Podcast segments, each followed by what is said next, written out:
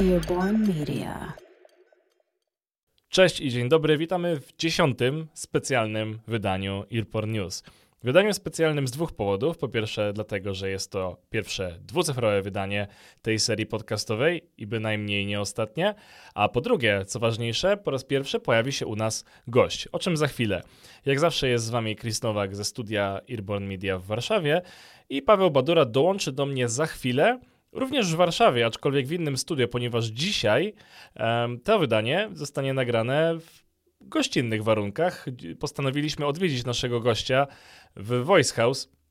Więc prawdopodobnie domyślacie się, że tak, dzisiaj naszym gościem jest Jarosław Kuźniar. Dlatego nie przedłużając, przenieśmy się do rozmowy, którą zarejestrowaliśmy właśnie w studio Voice House w CIC Warszawa. No to my dzisiaj mamy gościa wyjątkowo i tak go, go, gość plus gościnnie, bo jesteśmy gościnnie, gościnnie u gościa. Jesteśmy w Voice House Studio, y, naszym gościem, a my y, gościmy u Jarosława Kuźniara. Cześć, nie wiem, Jarku. czy mówić dzień dobry gospodarze, czy, czy mówić dzień dobry goście, ale miło was widzieć. Właśnie, to dziękujemy jednocześnie za zaproszenie i za to, że postanowiłeś zostać naszym gościem, tak. Nasz kanał nazywa się Iryporn News i chciałem na początek zapytać, czy to jest y, pierwszy program z porn w nazwie, w którym występujesz? Pierwszy, ale podejrzewam, że nie ostatni, patrząc po rozwoju audio na świecie, więc y, jest w ogóle bardzo fajna nowa audycja robiona przez chyba Pushkin Industries, nie, nie przypomnę sobie teraz, e, w kooperacji zresztą chyba z Financial Timesem, pokazująca hot money, właśnie skąd się wzięły pieniądze na tym rynku, więc you never know.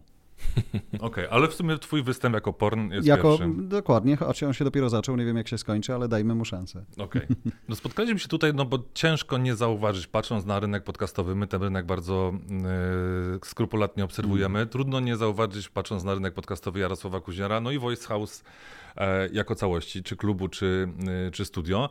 A jakbyś nam wyjaśnił mm, tak pokrótce, jakby ktoś w ogóle jeszcze nie słyszał, bo zrobiłem taki mały research, niektórzy nie kojarzą, to prawda, nie, niektórzy też, nie kojarzą z, z, z, tobą. To jest też to miła, miła, miły, miły moment. To miejsce, w którym jesteśmy jest e, w sercu Warszawy w Cambridge Innovation Center i kiedy w 2020, 20, tak, tym 20 roku oni startowali i już prawie się otworzyli, padło pytanie, czy jesteś w stanie dać jakąś wartość naszym najemcom za chwilę tutaj, a to będą młode firmy, startupy z całego świata, poza tym, co my dajemy. No i uznaliśmy, że ta sala, która miała być kolejną salą spotkań, zostanie zamieniona na studio. Ja znałem jeszcze z czasów onetowych fajną ekipę, która potrafi zbudować studio w każdym możliwym miejscu świata e, i spróbowaliśmy zamienić tę salę właśnie na, na coś takiego, co będzie stałe, co będzie dawało możliwość bycia live też w wydaniu, off, w wydaniu dźwiękowym, w wydaniu wideo także.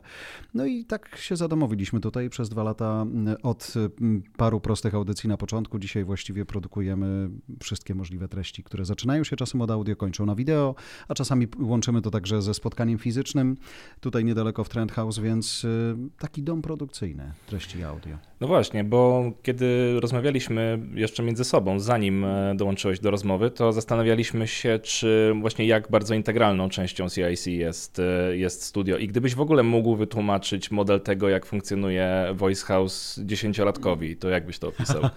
Dzisiaj od niedawna, jak wjeżdża się tymi schodami złotymi tutaj do CIC, to wreszcie na, na ziemi jest na, naklejka mówiąca do studia podcastowego na lewo. Więc wydaje mi się, że coraz bardziej integralną i jakby to się wpisało idealnie tutaj w to, w to, w to miejsce.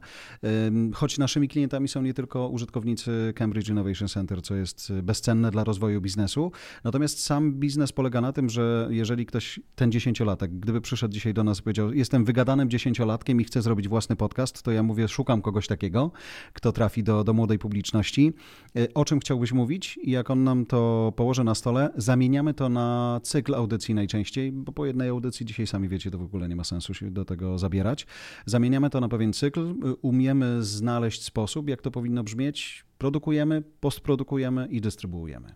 Okej, okay, no to ten 2020 powstaje Voice House y, Studio, ale to nie tylko studio, tylko jeszcze cała otoczka, całe audycje, dokładane klocki po kolei z miesiąca na miesiąc. E, co ci przyświeca w ogóle? Co wam przyświeca, żeby robić właśnie tam, ten cykl audycji? Bo Niektóre się pojawiają, tak powiedziałeś, pojedynczo, kilkoodcinkowo, niektóre mają bardzo regularne. No tutaj akurat piję do, do Twojego porannego maratonu codziennego. Jaka, jaka była, jaki jest zamysł tego, Sporo żeby... Sporo się to... zmieniało też przez, przez te lata, e, bo na przykład ten poranny maraton związany z wojną w Ukrainie, e, czyli Ukrainian Brief, teraz aż sobie sprawdzę, ostatni odcinek to był odcinek 127, tak, 127, dzień w dzień, dosłownie niezależnie od święta. I to też było ciekawe doświadczenie w kontekście audio, że mnie, człowiekowi z radia, wydawało się, że zawsze przegramy z serwisami radiowymi o pełnej godzinie, czy tam kwadrans po nawet, ale okazuje się, że słuchacze w świecie on demand, to oni decydują, kiedy chcą złapać pigułę, najbardziej aktualną jak się da. Jasne, że ja nie będę w stanie dać im informacji sprzed chwili, ale nawet myślę, że nie o to im chodzi. Oni chcą po prostu mieć pewien pakiet wiedzy o tym, co się wydarzyło w ostatnich godzinach w czasie wojny w Ukrainie, więc to fajnie, fajnie zaskoczyło i fajnie działa. Myślimy o dokładaniu kolejnych takich briefów.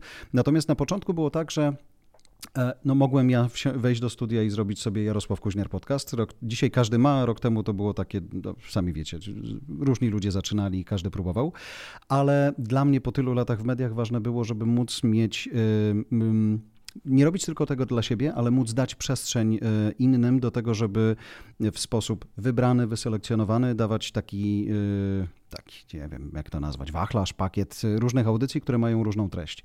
I dzisiaj jak popatrzymy sobie na, po takich moich idolach ze Stanów, czy to jest Wondery, czy to jest właśnie Pushkin Industries, czy mm, Pineapple Studio na przykład, no to oni zamieniają się właśnie, potrafią coś wyprodukować i zamieniają się w coś, co daje kilka, kilkanaście, czasem kilkaset audycji przeróżnych.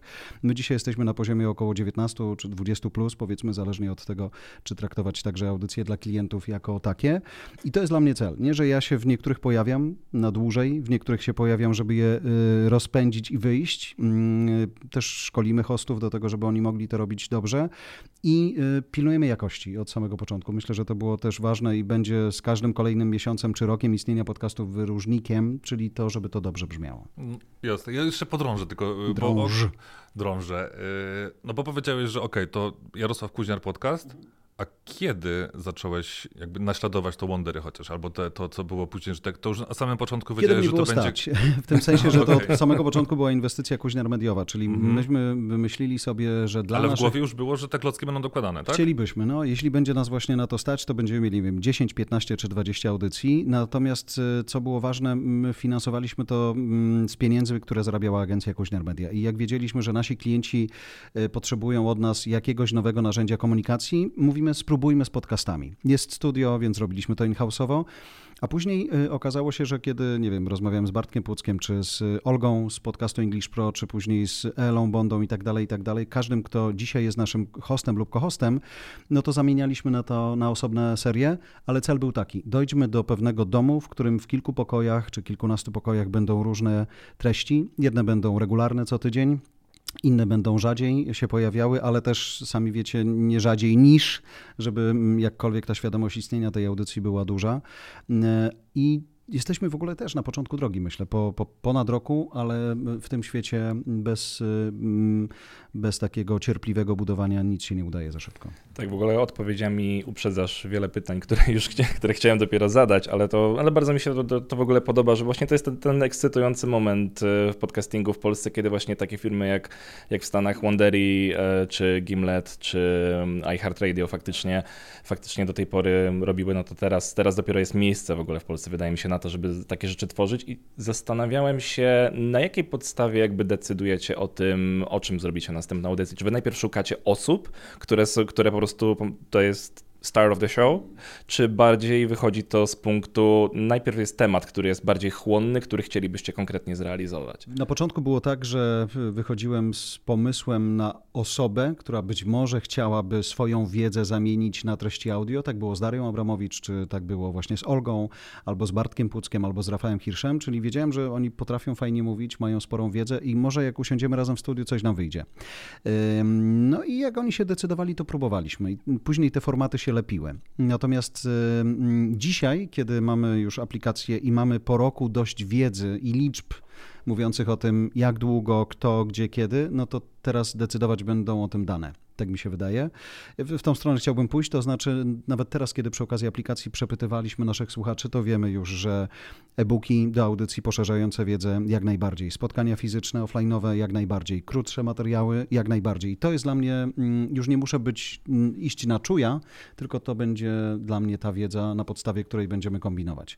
Język angielski, ok, pro dla biznesu jasne, ale wie pan, chciałabym posłuchać tego z moim dzieckiem, to może, no ok, to u, u, uruchommy nowy stream, z, być może z dziesięciolatkiem, czy tam piętnastolatkiem, który będzie Bardzo, trochę bardzo mi się inaczej. podoba, jak obróciłeś to pytanie. A, wiem, no to trochę tak, bo ja, ja jestem zafascynowany, no zobaczcie, jak macie dzisiaj Wondery, no to cała seria kilkunastu audycji Wonder Kids, no to jest zupełnie inny świat i To tam jest prawda. tysiące różnych, y, różnych obszarów, a mnie z perspektywy ojca to interesuje, dlatego że audio wydaje mi się jest y, y, mniej szkodliwe, e, jeśli już mówimy o świecie nastolatków, niż, niż wideo. Więc ma, i rodzice mogą mieć nad tym trochę większe panowanie. Narracja audio też jednak poszerza bardziej horyzonty niż córka mi wczoraj pokazywała jakieś dyskusje dzieciaków z, z Teamu X na YouTubie, to po prostu myślałem, że wyskoczę z tramwaju, bo oglądaliśmy to w tramwaju właśnie. No tak, poza, poza tym w kontekście audio jednak nie ma tego ryzyka, że co chwilę będzie tam popychane Tak, coś innego dokładnie. przez algorytm w taki bardzo I agresywny reklama, sposób. i reklama. nie? Ale zatrzymajmy się jeszcze chwilę przy tym, bo jeśli chodzi właśnie o, czy, czy myślisz, że w ogóle, no bo podejrzewam, że jednak takie, każde studio podcastowe jednak skupia jakąś grupę odbiorców i jakaś, jakaś grupa słuchaczy jednak coś, co się łączy. Czy, czy twoim zdaniem Voice House ma jakiś taki model odbiorcy, który faktycznie, jakbyś U scharakteryzował? nas to jest biznes. I Biznes to jest, głównie. myślę, z perspektywy rozwoju firmy ważne i fajne, że to jest też oczywiście dużo słuchaczy, którzy z biznesem nie mają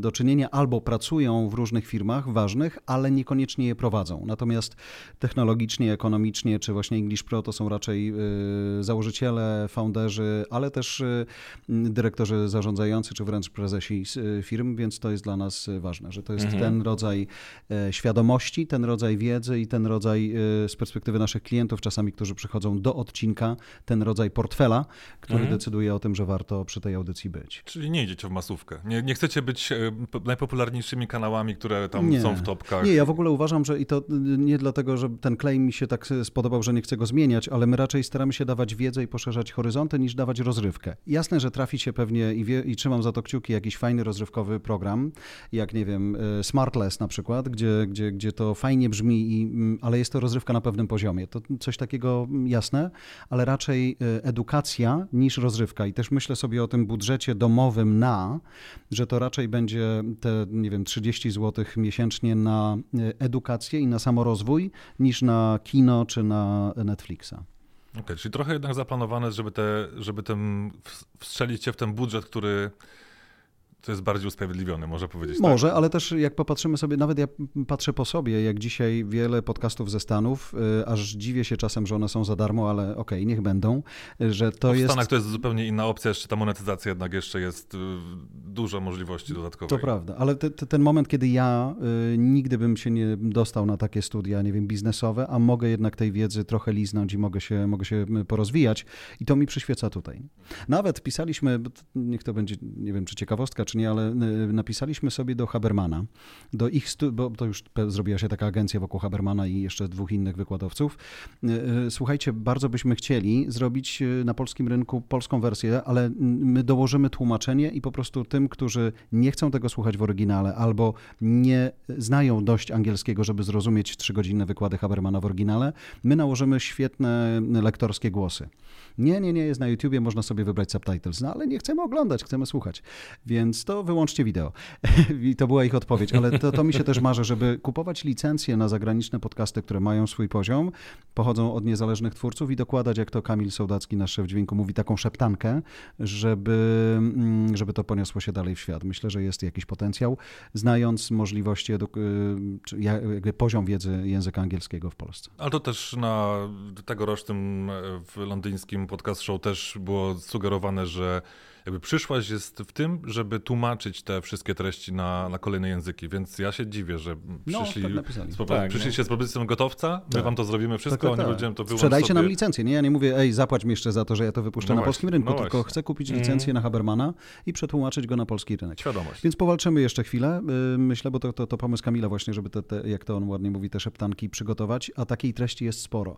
Sam w ogóle Stanford University wypuścił parę różnych podcastów, różnej jakości one są, ale wiedza jest jest niesamowita. Dwa, że no masz Stanford, więc nie dyskutujesz. I przełożyć to na polski rynek, dołożyć, y, dołożyć kilka fajnych lektorów, y, którzy po, po polsku to ładnie prze, przetłumaczą, to jest mój cel. Ale to już widać, świadomość. Spotify wypuściło ten audioserial Batmana, teraz zapowiedzieli no. drugi serial, czy drugi sezon i to się pojawiło chyba na sześciu czy siedmiu rynkach językowych a jeszcze. I też, no. no właśnie, a niestety no, w Polsce jeszcze nie, ale Spotify chyba tej Polski ostatnio coś nie lubi, bo pomija te wszystkie nowinki. Ja bym, do, zahaczyliśmy trochę o, o, o pieniądze. Yy, mówiłeś, że no teraz jest aplikacja, tak? tak? Chcecie to monetyzować, ale na początku no mówisz, powiedziałeś, że finansowaliście Kuźniar y, Media, y, ale rozumiem, że to nie było takie finansowanie, że jest zero-jedynkowy, tylko płynie z jednej nie, strony, nie, ale partnerstwo było. Ze mną jest trudno, nie? To znaczy, ja, ja, ja, mimo że się uczę tego biznesu od paru lat, to raczej więcej jest tu serca niż rozumu i dlatego mój zespół jest większy, szczęśliwie i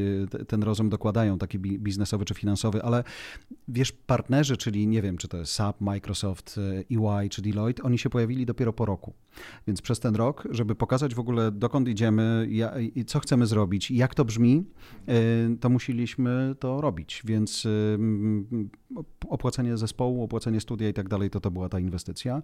I czekanie cierpliwe na to, żeby liczby liczbami, ale dzisiaj jak patrzę sobie przy, przy, przy okazji rozmów z klientami, to oni przychodzą do treści, nie? czyli my chcemy być właśnie tam, gdzie są wasi słuchacze i tacy, a nie inni. Więc to było, to było fajne. A bałeś się? To było takie, taka y, cały czas stawiasz te czarne na tej ruletce i czekasz po prostu aż coś przyjdzie, czy czułeś jednak nie, gdzieś tam, że, nie, że... jakby my robiliśmy swoje, jak ja po doświadczeniach mediowych y, chciałem to zrobić i dalej nie mamy czegoś takiego, że nie wiem, jak w tym miesiącu nie przyjdzie do nas, nie wiem, pięciu klientów, zamykamy biznes, bo to bez sensu. Dwa, że jeśli on przychodzi dopiero ten klient po roku, no to siłą rzeczy wiemy, że musimy cierpliwie poczekać i też po roku klienci tacy duzi rozumieją i szukają też treści audio. Coraz częściej zaczynają myśleć o różnych rodzajach swojej aktywności medialnej w kontekście tylko audio na przykład, więc mm, też patrząc po różnych formatach, które dzisiaj na świecie się pojawiają, w Stanach głównie, no to jeszcze sporo przed nami, bo dzisiaj my myślimy, że podcast to jest y, dwóch albo trzech gości siedzących w studiu i koniec. To myśmy a, mieli tą samą dyskusję z no, definicji, to jest podcast. No widzisz, tak? nie możemy być no. kolegami. No. no. nie, a tam nagle się okazuje, że w ogóle to są po prostu seriale audio, to, jest, to są Matysiakowie tylko XXI wieku.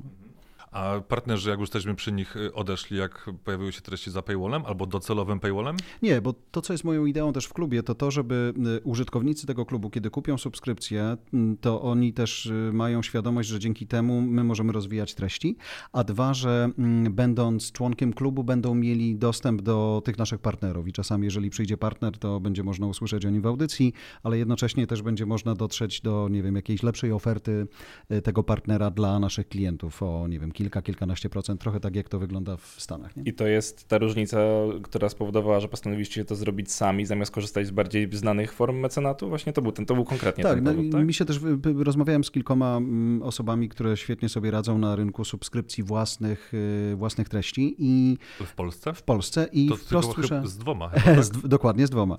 E, ale największymi. I, I Michał Szafrański, o nim mogę powiedzieć, Michał mi powiedział, że nie jesteś gościem, który powinien iść na Patronite'a, mając takie doświadczenie medialne i dzisiaj będąc w biznesie, więc ja wiem, że to może być trudniejsze w tym sensie, że Patronite to jest dużo emocji, nie? takiej zaufania, emocji i tak dalej. I chyba też dużo pracy, czy na pewno dużo pracy, ale porównywalnie dużo pracy, co przy własnym, własnej aplikacji. To chyba. prawda.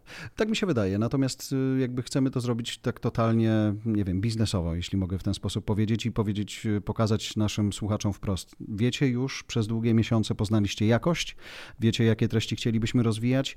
Y, żeby móc je rozwijać, żeby rosnąć, to chcielibyśmy właśnie um, pogadać z wami o, o subskrypcji i to się powolutku udaje, więc wierzę, że w dobrą stronę pójdziemy. A czemu u siebie, a nie wykorzystując mechanizmy, które są dostępne w popularnych y, no serwisach, czy na Spotify, czy na są, Apple. Są. No Apple, okej, okay, zdzierstwo 30%, tak? No. Spotify na razie 0, potem, po, potem do Max 3. Te, potem te firmy... Max 3, ale to też niewygodne płatności akurat, tak? To prawda, natomiast te firmy nigdy, mm, nigdy nie będą y, mecenasami. To, to jest biznes, więc ja mając doświadczenie TVN-owo-netowe, y, dzisiaj też wiem, że dla mnie niezależność jest najistotniejsza. Jak popatrzymy sobie nawet na to, co robi Darek Grosiak dzisiaj ze, ze sobą, czy ze swoimi treściami, porządna albo coraz lepsza strona www, na której te treści lądują. Jeżeli już mamy fajną publiczność, mamy fajnych, fajnych słuchaczy, to dlaczego się tym dzielić w takim sensie, że no, zawsze to będzie u kogoś, a to będzie u mnie, więc ja jestem zależny od Spotify'a, jestem zależny od Apple'a, a jak zablokują konto, no to, to mnie nie będzie, nie lubię tego. Jakby chciałbym, chciałbym taką możliwość posiadania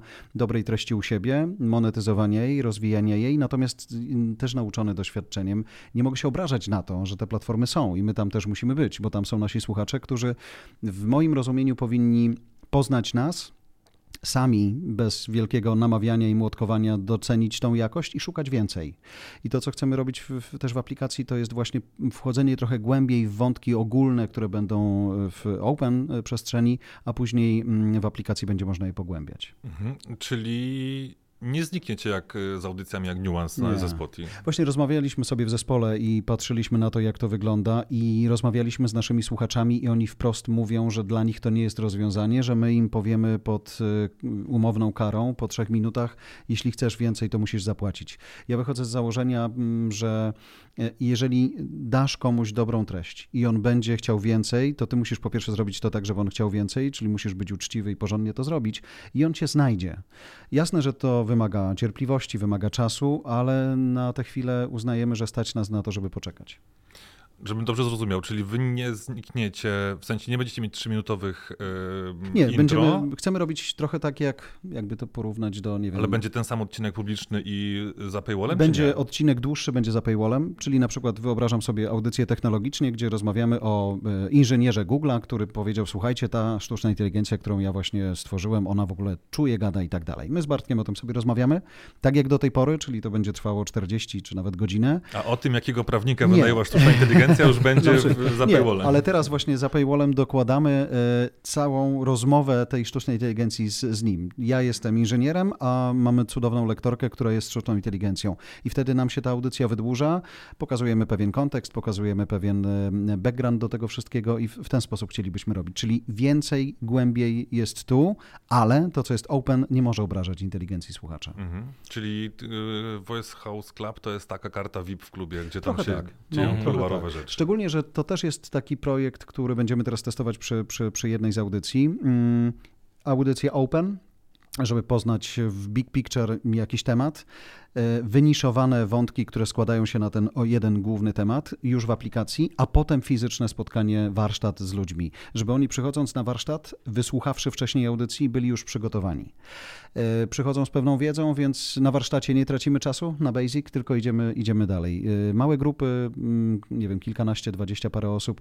Jesteśmy dosłownie po sąsiedzku z Trend House, takim miejscem, gdzie właśnie takie rzeczy się odbywają i chcielibyśmy to testować.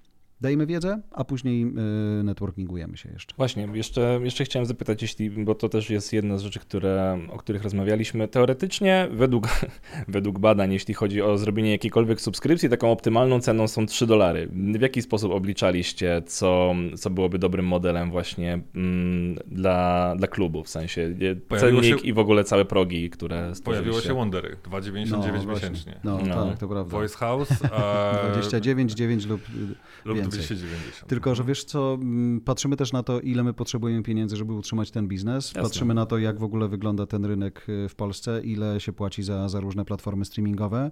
Y, no i też zakładamy, że mm, mamy trochę takich audycji, które już mają swoją wierną publiczność i y, chcielibyśmy, żeby mogły się rozwijać, więc to, to była jak wypadkowa tego, tego wszystkiego. Czyli Polska nie jest gotowa na tańszą subskrypcję. Będziesz, wiesz, masz tygodniową, którą możesz spróbować w ten sposób. Nie, ale chodzi mi o w sensie mhm. Polska jako biznes w Polsce, tak? Bo jest nas mało słuchaczy. Na razie tak. Tak, ale nawet patrząc jakby, no nie wiem, no są badania, że tam 80, ja nie wierzę w te badania, że 80% Polaków słucha podcastów albo ma świadomość tego, że, jest, że, że, że są podcasty, no to według tych badań zlecanych, ale to są badania zlecane, tak? To jesteśmy no, to próba mega dużo do przodu. Mamy przed... co do niej trochę wątpliwości. Tak, nie, nie, no to jeżeli przed Australią, kan... Stanami i tak dalej. No nie? Kanada, ale... Australia, Stany, nie? Tak wygląda dzisiaj ta pierwsza trójka i to jest po tam 60 parę procent, 40, no więc te nasze 80 też włożyłbym między bajki. Bo mm, szczególnie, że takich świadomych, regularnych, którzy wybierają konkretne treści i wiedzą, że to jest podcast i, i w ogóle tęsknią za nim, no to, to, to myślę, że wciąż jesteśmy na dobrej drodze, żeby coś tu budować. Ale na razie tej skali jako takiej nie ma, więc dlatego staramy się to robić w ten sposób i też jesteśmy częścią grupy, bo, bo i w Kuźniar Media cały czas y, jesteśmy też inwestorem w Voice House, więc możemy sobie na to pozwolić, żeby po prostu budować, budować, budować. No właśnie, będziecie chcieli wyjść za granicę? Treściowo w sensie Pró ten, ten rynek anglojęzyczny, no bo porównując koszt produkcji, okej, okay, no, tak. umówmy się jeden do jednego, można, można tak przełożyć, tak? Patrząc na to, że, że Kamil, mamy... skąd oni znają twoje ceny, powiedz? Mówię do naszego szefa dźwięku. Tak, wiesz co, myśmy próbowali z y, podcastem Darii Abramowicz, y, która dzisiaj jest rozchwytywana na całym świecie i robiliśmy jedną wersję English. To się poniosło jakoś dosyć fajnie, słabiej może niż w języku polskim, ale, ale się poniosło, więc to musiałby być powód, dla którego moglibyśmy albo właśnie, myślę, że Daria jest idealnym przykładem, bo mało jest takich speców znanych na całym świecie, którzy mogliby nieść wiedzę, która jednak jest y, dosyć niszowa, jasne, że rośnie, ale, ale, ale fajna i skupiona w jej, w jej głowie i w jej notatkach, więc jak byłby powód, to tak. Jak, no teraz na przykład będziemy mieli, przygotowujemy też taką specjalną serię zatytułowaną, roboczy tytuł jest Bucza, ale będzie pokazywała historię Buczy jako symbolu zbrodni wojennych na Ukrainie przygotowuje Agnieszka Szypielewicz z naszej redakcji. I to jest taki czteroodcinkowy serial audio, w którym pojawią się głosy reporterów, którzy byli tam na miejscu, ale też ludzi, którzy mieszkali w Buczy i którzy pokazują, że Bucza tak naprawdę to był Sopot Kijowa. Tam się jechało, żeby mieć swoją daczę, odpocząć i tak dalej, i tak dalej, a w którymś momencie stała się symbolem gwałtu, przemocy i pokazujemy ją w, jako takie cztery pory roku, jesień, zima, lato, wiosna. 30 mm, parę minut każdy odcinek, więc wyobrażam sobie, że te tak jak ja mówię o Habermanie i o szeptance na Englishu, to może taką to wersję English na zaś, tak, bo to będzie jakby historia doskonale pokazująca to, jak, jak dzisiaj to, to miasteczko wygląda, więc będziemy testować, próbować. Róbcie, Nie róbcie, bo takiej treści brakuje przede wszystkim u nas, u mm. nas, u nas w Polsce. A, no okej, okay. ty powiedziałeś, że Kuźniar Media dalej, dalej inwestuje. Y, no jest Voice House, jest y, Go Forward, mm -hmm. jest mhm. Fanwisher ile serca, ile Już uwagi jest, y, jest Jarka Kuźniara w Voice House? Dzisiaj to jest, dzisiaj to jest, wiesz co, w, w, w, jak popatrzymy sobie na, na wszystko, to myślę, że najwięcej mnie jest dzisiaj w Voice House. Grzesiek Miszta jest y, teraz akurat między Fanwisherem a Voice House'em krąży, bo jest świetny, jeśli chodzi o e-commerce i świetny, jeśli chodzi o bycie takim PM-em, więc postawienie klubu pomógł y, mi zrobić, a odpoczęliśmy na chwilę w Fanwisherze, bo taki mamy moment, z uwagi też na pożegnanie naszego, mm, naszego co-foundera, który, który zmarł niedawno. Um, natomiast w Kuźniar Media Natalia i ja mogę się skupić na tym, co się dzieje w Voice House. Też budujemy teraz dział sprzedaży sprzedaży i rozwoju biznesu, e, tak żeby szybciej odpowiadać na, na, na zapotrzebowania i wychodzić też do klientów, bo przez cały rok mieliśmy mm, dość sił tylko na to, żeby odpowiadać na, na zapytania, natomiast nie byliśmy bardziej aktywni. Dzisiaj chcemy to zmienić i też nawet e, idąc na spotkanie z Wami do studia, Miałem taką rozmowę z jednym z klientów, gdzie widzę, że e, skończyło się to mówienie, chcemy podcast. I w ogóle nieważne jak, tylko podcast. Dzisiaj to już jest rozmowa o tym, jak to może brzmieć, ile to ma mieć odcinków, kto może być hostem, to co może włożyć. Lista, że okej, okay, mamy, mamy co teraz jest popularne w, tak. Weźmy w mediach, podcast, tak? tak tylko okay. mamy na to tam 1500 zł nie więcej, więc jeden mikrofon y, i koniec. Ale bez, bez, bez postprodukcji. Po prostu pan nas wpuści do studia pan włączy, i my wyjdziemy. Pan wyłączy. Pan włączy, pan wyłączy. Więc y, co też ważne, mm, że klienci chcą, żeby to brzmiało lepiej, żeby było udźwiękowione, żeby było napisane, y, bo zwykle mieli taką myśl, że przyjdą, usiądą, włączy się mikrofony, no to coś pogadają. Będzie czas, no to skończy się czas, to skończymy audycję. Dzisiaj już scenariusz do audycji przeszkolenie hosta, tak żeby też skupił się i mógł dowieść to do, dobrze i żeby tych e, audycji było kilka, a nie jedna, bo wtedy ona siłą rzeczy nie zbuduje żadnego zasięgu wokół siebie. Zaczyna się już fajne, fajne, fajne, fajna praca. Mhm. Ale czyli rozumiem, że macie klientów zewnętrznych, tak? Ile tak, produkujecie? Tak, tak, tak, tak. Mhm. I chcielibyśmy to też ro, rozwijać, choć nie, nie, jesteśmy, nie jesteśmy najtańszym domem produkcyjnym na rynku, e, więc to też jest dla niektórych jakaś bariera i staramy się też mądrze wybierać te, te, te treści. Więc jeżeli ja wiem, e, jak pracuje dzisiaj Kamil, jak wygląda jego plik po postprodukcji i versus inne pliki po postprodukcji, no to siłą rzeczy to kosztuje, e, ale oszczędza uszy słuchaczy. No, to my jesteśmy też tego dokładnie zdania, że no, to, to rzeczy kosztują. No to jest robocza godzina, tak? Nawet nie, nie, nie przeliczając na, na ile ta godzina kosztuje, to ile ich tych godzin jest, żeby wyprodukować jeden dobry odcinek. No, to jest... Kamil, popraw mnie teraz proszę, ale 30 minut audycji to jest 90 minut y, postprodukcji, lekko licząc. W zależności od formatu Dokładnie. Jeszcze, Jeżeli, tak, tak jak mówię, jest... wam obuczy czteroodcinkowej, no to nawet jak robiliśmy To dla więcej Paribas, wydań. A, to oczywiście. No Józefa to... Bancera, no to, to, jest, to, jest, to są tygodnie pracy czasami. Oczywiście, no to też, też mi- mieliśmy swoje produkcje, które, które 30-minutowy odcinek 50 zaj- godzin pracy. zajmował 50 godzin pracy bez problemu, tak, tak. I to już odliczając oczywiście po- poprawki z uwagi na jakby korporacyjny model tak. współpracy, bo to różnie bywa, tak, bo jeszcze tam ileś osób musi przez to przejść. Czyli tak, e, ile was jest w tej chwili w Voice House? Wiesz co? Albo, albo inaczej, ile osób się nim zajmuje, bo Już wiem, mówię. że przenoszą się Ja z innych zostałem twoich- redaktorem naczelnym. Adrian Gronek z funkcji COO został e, szefem rozwoju biznesu i szefem sprzedaży. Dorota Żurkowska jest szefową produkcji. Agnieszka Odpowiada za redakcję. Kamil Sołdacki odpowiada za postprodukcję dźwięku.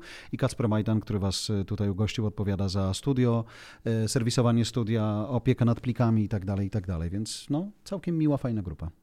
Ale to patrząc mimo wszystko yy, z zewnątrz, jakby ktoś chciał tak zerknąć, ok, jest tyle audycji, jest współpraca z firmami, jest e, model subskrypcyjny, sześć osób, tak, No. wymieniłeś.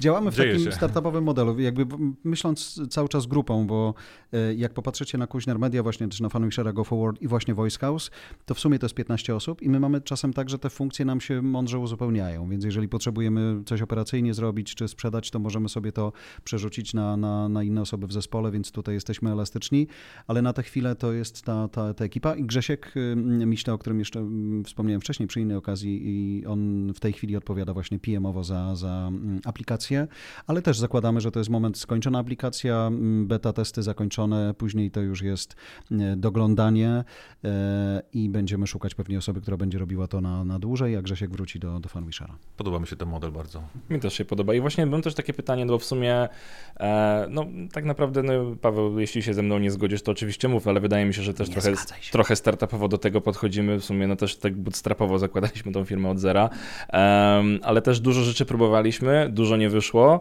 E, wiele okazało się zupełnie chybionymi pomysłami. Jakby, no, jakby wiadomo, że komunikujemy wszyscy nasze sukcesy i tak dalej, ale właśnie ja jestem ciekaw, jakie rzeczy w takim razie, które chciałeś zrobić z Voice House, nie wyszły i co w ogóle było zupełnie chybionym pomysłem, który nie sprawdził się na polskim rynku. Wiesz co, co nam takiego nie powychodziło, myślę. Hmm, hmm, hmm. Nie wyszła nam regularność audycji Brandbook na przykład z Karoliną i tu cierpimy bardzo, ale będziemy wracać do nowych odcinków i też myślałem, że będą, będzie więcej słuchaczy wokół takiej treści, ale później przestałem na to w sumie też cisnąć, bo jeżeli to jest niszowa rzecz i y, docieramy do, nie wiem, PR-owców, marketingowców, to to są też ludzie, którzy mają dosyć duże ego i to dobrze, że je mają, dzięki temu mogą się fajnie rozwijać, ale niekoniecznie y, chcą ym, edukować się właśnie w taki sposób, albo chcą słuchać, że ktoś ich ocenia, więc tutaj e, cierpliwie mm, będziemy budować. Mm, Myślę, że y, porażką na początku było to, że podchodziliśmy do tego w taki nieregularny sposób i to widać dzisiaj na wynikach badań, kiedy mm, no, w październiku zeszłego roku chyba dopiero uznaliśmy z Bartkiem, y, z Rafałem e, i później z każdą kolejną osobą, z Olgą też e, z English Pro, że musimy to robić co tydzień, bo inaczej to kompletnie nie ma sensu, no to to jest to fundamentalna zmiana. Odczuliście tą różnicę Bardzo, trakcji, co? Bardzo, bardzo. No. To jest w ogóle tak niesamowita zmiana, że dzisiaj, kiedy pokazujemy to klientom, oni nie wierzą. No ale mamy wreszcie dowody, bo bardzo często przez ten pierwszy rok dużo rzeczy mówiliśmy, ale nie było na to danych. Dzisiaj są dane, więc nie musimy aż tyle mówić i możemy przekonywać, ale to był błąd. Brak regularności w podcastach to jest duży błąd. Tak, bardzo, bardzo mnie cieszy, że, że o tym wspomniałeś, zwłaszcza, że tej audycji jednak słuchają osoby z biznesu i to jest argument, który zawsze poruszamy, że jednak ta regularność jest hiperważna i niestety no, mie- mierzalność, te, jeśli chodzi o serię podcastową, no ciężko będzie ocenić po pięciu wydanych Ale wiesz, odcinkach. mamy, nie? takie, mamy takiego klienta teraz, który przyszedł i mówi, no to jest człowiek, który będzie robił u was serię podcastów i my chcemy, żeby one brzmiały dobrze, więc przeszkulcie go i on będzie hostem. Dobra, przeszkoliliśmy, jest hostem. Z regularnością mają ogromny problem. Raz w E, miesiącu to nie jest No, regularność. no właśnie, wiesz, i najważniejsze jest to, że to pytanie, i ja rozumiem to pytanie klienta. Dobra, ile ludzi słuchało? A my mówimy, no ale to jest pierwsza audycja i ona miała premierę wczoraj. To nie jest program telewizyjny, który ma zupełnie inną bazę zbudowaną już, więc dajmy sobie chwilę, szczególnie, że jeżeli, no i tu wracamy do, do, do innych naszych doświadczeń. Audycja, która ma 50 odcinków, jest regularnie co tydzień, każdy nowy odcinek ciągnie też wcześniejsze i tak to działa, więc dajmy sobie szansę. W Stanach przecież rozliczają się wszyscy tygodniowo czy miesięcznie nawet. To nie ma sensu mówić. Całej puli z wszystkich tak, odcinków od, do tej pory publikowanych. Tak? Ile dzisiaj słuchało? No 15 osób. Boli cię? No boli. No jak to 15 osób? Ok, ale jak będziesz miał kolejną audycję, kolejną audycję, kolejną audycję, to będzie 500, może 1500, ale daj sobie na to szansę. I no nie ma cierpliwości na rynku, więc jeśli rynek słucha, to namawiamy, żeby ona się zaczęła pojawiać. Tak. Ile, to zdarza się tak, nie? że ile osób dzisiaj słuchało 15, no ale dlaczego? No może dlatego, że jest Wigilia Bożego Narodzenia. Dokładnie. To jest bardzo ciekawe doświadczenie nasze, że to jest w ogóle nie czas na podcasty wtedy. Nie? Ale na przykład długi weekend też, ja patrzę sobie na, na chociażby na to Ukrainian Brief, mówię, no nie było sensu w ogóle tego robić.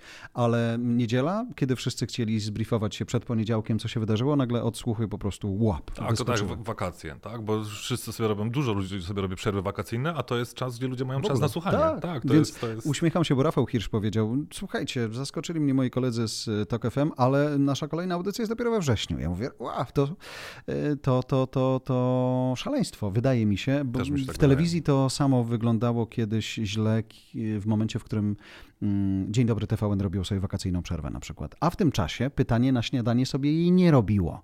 I później długo trzeba było zbierać wyniki Dzień dobry, żeby je jakkolwiek odbudować. Dzisiaj nie ma czasu na przerwy i nie ma czasu w ogóle na jakieś sezony, ramówki i tak dalej. To musi być mm, niekończąca się historia. Jasne. Ja bym chciał jeszcze tylko technicznie do tego mhm. podejść, e, bo aplikacje to, nie wiem, wybrzmiało to trochę tak, jakbyście to robili in-house'owo, ale rozumiem, że to jest jakiś zewnętrzny, zewnętrzny e, dostawca. In, znaczy in-house'owo mamy takiego bardzo zaprzyjaźnionego partnera, który stawia nam wszystkie możliwe strony www, Pawła, pozdrawiam go serdecznie i Paweł ma swój zespół, który też jest, składa się z różnych specjalistów z różnych dziedzin i, i zawsze idziemy do Pawła i mówimy czego chcemy, a on nam to buduje. Ale to jest szyte na miarę, tak? To nie jest takie jest piano jak na, na przykład w tak, Nuansie, tylko to jest, jest pod was. Na piano nas nie było stać, krótko mówiąc. Jak popatrzyliśmy sobie na cenę, wiedzieliśmy, że to, to nie jest w ogóle ten poziom, więc nie, nie porywamy się na to. I Paweł wyszukał dla nas bardzo fajną e, firmę, która pozwoliła nam to zrobić. Ona oferuje taki model white labelowy, który można, można bardzo dobrze sobie doszyć. No i my jesteśmy na etapie właśnie doszywania sobie tego, tak żeby, e, żeby go mieć po swojemu. E, jak to jest zwykle w takich sytuacjach? Są pewne ograniczenia, natomiast dziś dla nas to jest jedyny taki etap, kiedy możemy to zrobić, patrząc po budżecie i możliwościach w ten sposób, natomiast nie, nie, nie zamykamy się na to, że nie wiem, kiedyś będziemy mieli o, zbudowaną od podstaw własną łapkę, która jest tylko dedykowana Voice House'owi. Dzisiaj chcemy wiedzieć, czy właśnie wideo ktoś chce oglądać, czy nie. No okazuje się, że nie, choć apka nam na to pozwala. Ale czy chcesz mieć e-booka do audycji, która poszerzy? Jak najbardziej. Więc apka też nam na to pozwoli, że właśnie będzie można go tam przeczytać, albo, to też ciekawe doświadczenie, pozwoliliśmy czytać te e-booki w aplikacji. Myślimy sobie, ktoś słucha i czyta jednocześnie. A wszyscy mówią, a gdzie ja mogę go ściągnąć? Więc musimy mieć, wystawić zewnętrzny link do specjalnego narzędzia, które będzie pozwalało te e-booki ściągać sobie na urządzenia, na których nasi słuchacze chcą tych e-booków, e, chcą je czytać, więc będziemy taką drogę dokładali. I to jest też fajne w ogóle dla nas, że pracujemy na danych, na liczbach. Nie robiliśmy tego długo, bo, bo, bo one się budowały, zbierały, a dzisiaj możemy wyciągać z nich wnioski. Super rozum, moment. Rozum przejmuje serce. No, powoli, tak. Okay. A z wyników jesteście zadowoleni teraz no, po, tych, tak, tak, po tak, tym tak. miesiącu? Bo w sumie miesiąc minął jesteśmy. chyba, tak? Już tak, choć to jest taka mała grupa ludzi, która sobie testuje, jak to w beta testach, ale, ale jesteśmy zadowoleni.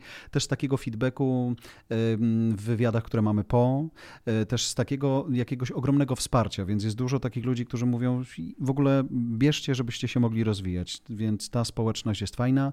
Chcemy ją złapać teraz też na takiej aplikacji Circle, żeby z nią być, żeby z nią rozmawiać, żeby pokazywać jak najwięcej backstage'u i mm, dopieszczać ją w, w taki sposób, żeby po prostu z nami byli, mm, chcieli i widzieli też więcej niż ktokolwiek inny, jak to wygląda w kulisach. A za rok od teraz Czyli jakby już po rok od wyjścia z bety?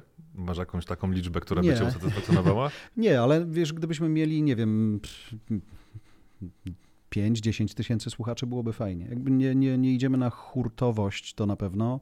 Nie wiem, jak się ten rynek będzie globalnie rozwijał. Jesteśmy też w, w, gospodarczo trudnym momencie, więc trudno będzie oczekiwać od ludzi, żeby wyjmowali pieniądze na, no właśnie, na rozrywkę może nie, ale na samorozwój, żeby się przygotować do nowych czasów, to, to czemu nie? Na pewno mm, chciałbym mieć ze 30 fajnych audycji, czyli jakieś 10 więcej niż teraz, poeksperymentować, trochę może więcej livecastów, które też mogłyby fajnie pokazywać e, nasze zaangażowanie w naszych słuchaczy, odpowiadać na, na ich wątpliwości. Skoro mówimy o edukacji, to, to myślę, że tych pytań sporo się będzie rodziło. Zobaczymy, jak ta sfera offline'owa się będzie rozwijała. Te, te spotkania chciałbym robić je i tutaj bliżej, ale też może w wydaniu wyjazdowym.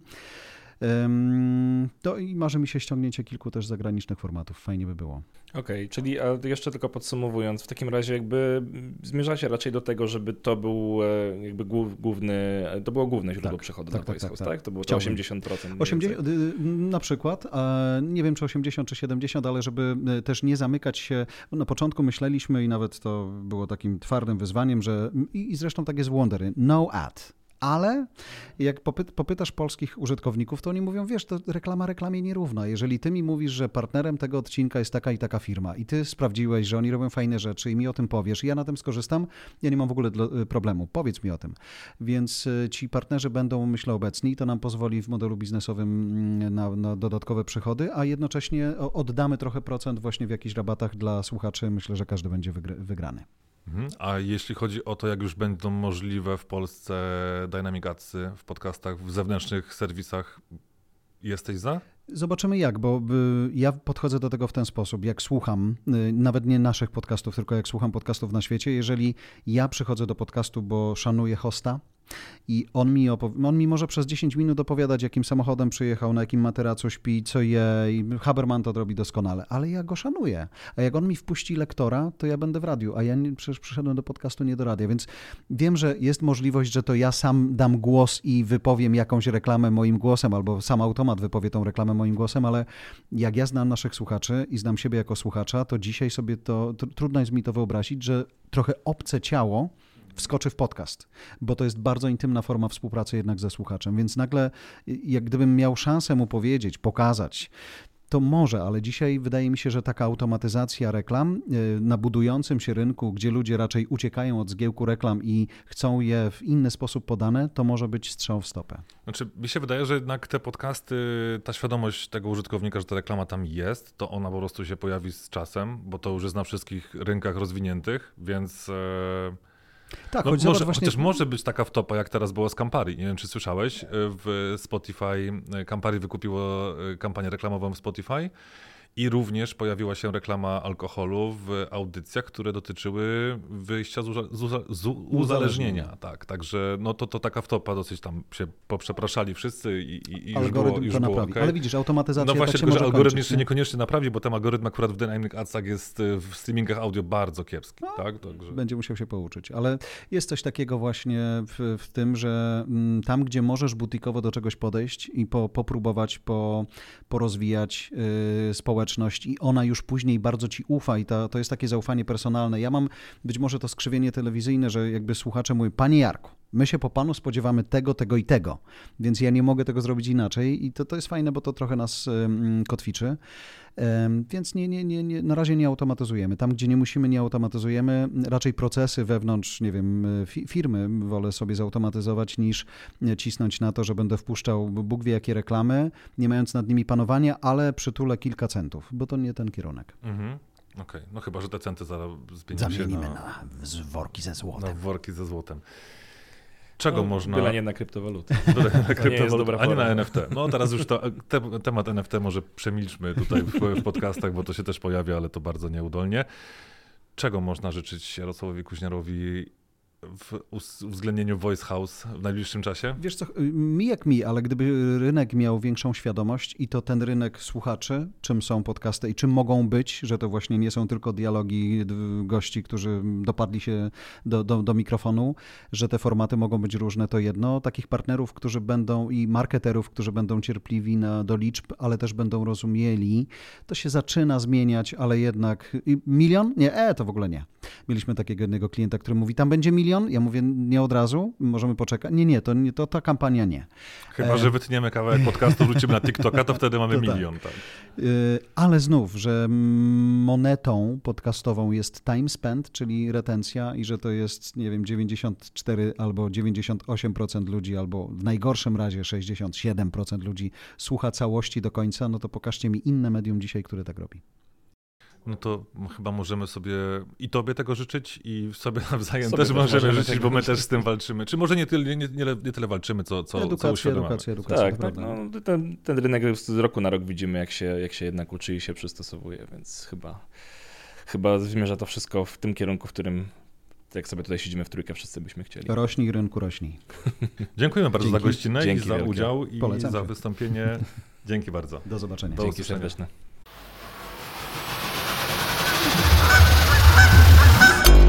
Earborn Media.